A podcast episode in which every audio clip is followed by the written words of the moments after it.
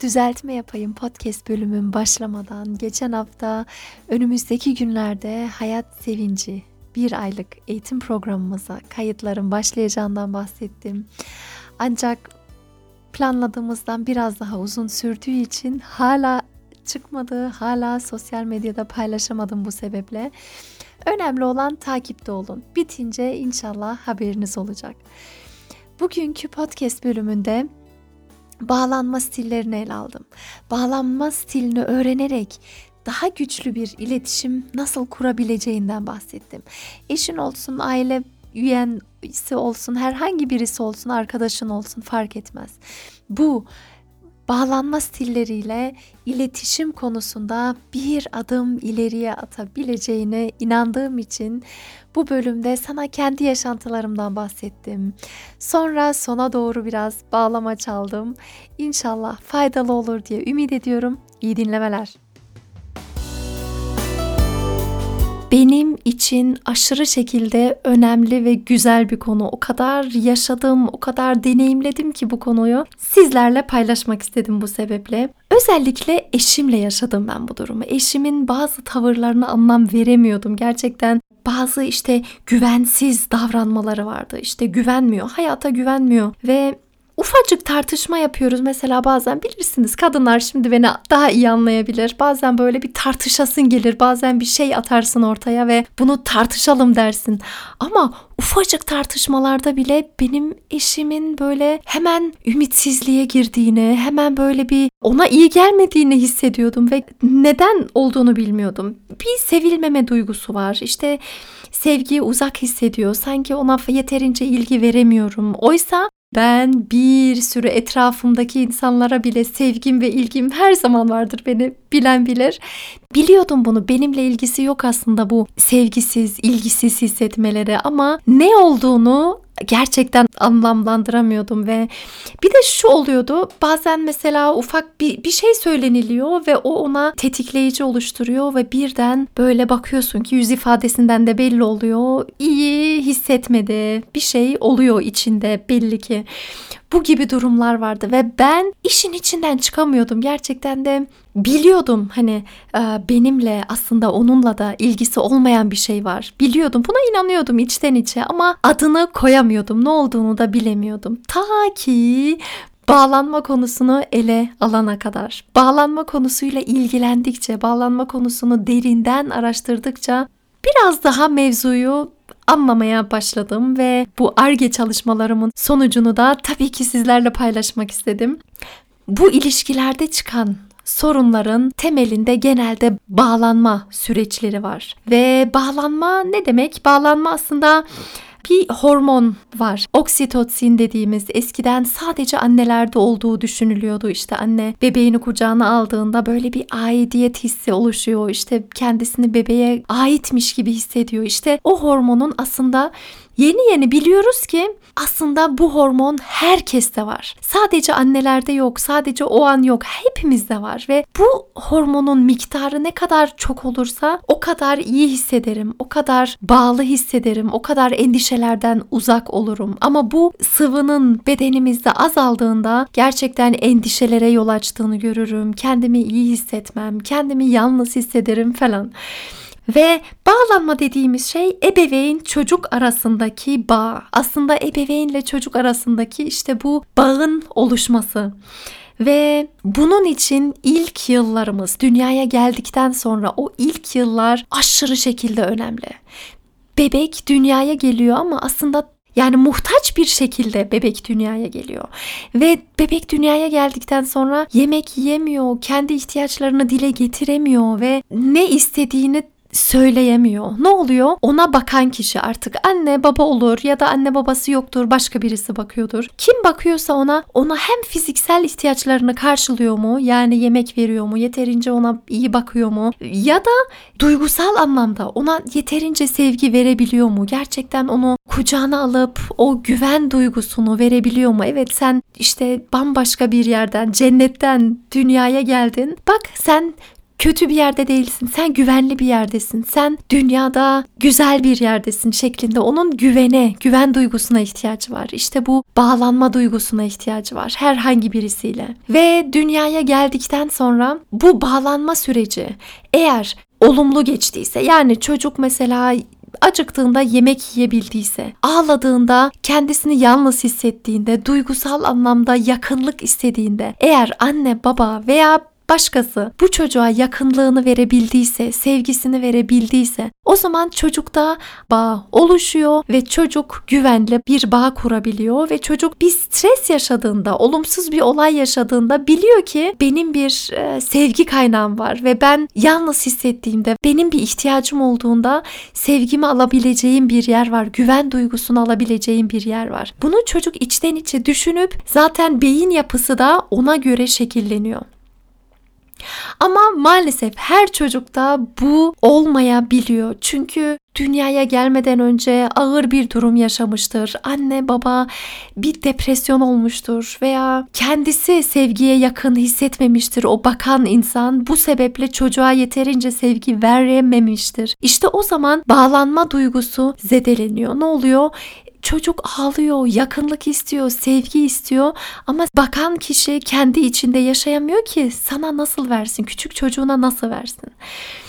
Yetişkin olduktan sonra kaygılı bağlanma başlıyor ya da kaçıngan bağlanma başlıyor. Kaygılı bağlanma başladığında insan hayata artık öyle pek güvenemiyor. Çünkü benim ihtiyacım olduğunda her zaman bana yakınlığını, bana sevgisini, bana güven duygusunu verecek birisi olmayabiliyor. Bunu öğrenmiş oluyor ve bir sıkıntı çektiğinde, bir stres yaşadığında nasıl olsa stresim aldığım sevgiyle, aldığım güven duygusuyla bunu atlatacağım gibi bir durum yaşanmıyor maalesef. Ne oluyor? Yetişkin olduktan sonra hem aşırı bir bağlanma isteği oluşuyor. Herkesten böyle bir beklenti haline geliyor. Beni seviyor mu? Bana güvenecek mi? Aşırı bir bir bağlanma arzusu oluşuyor.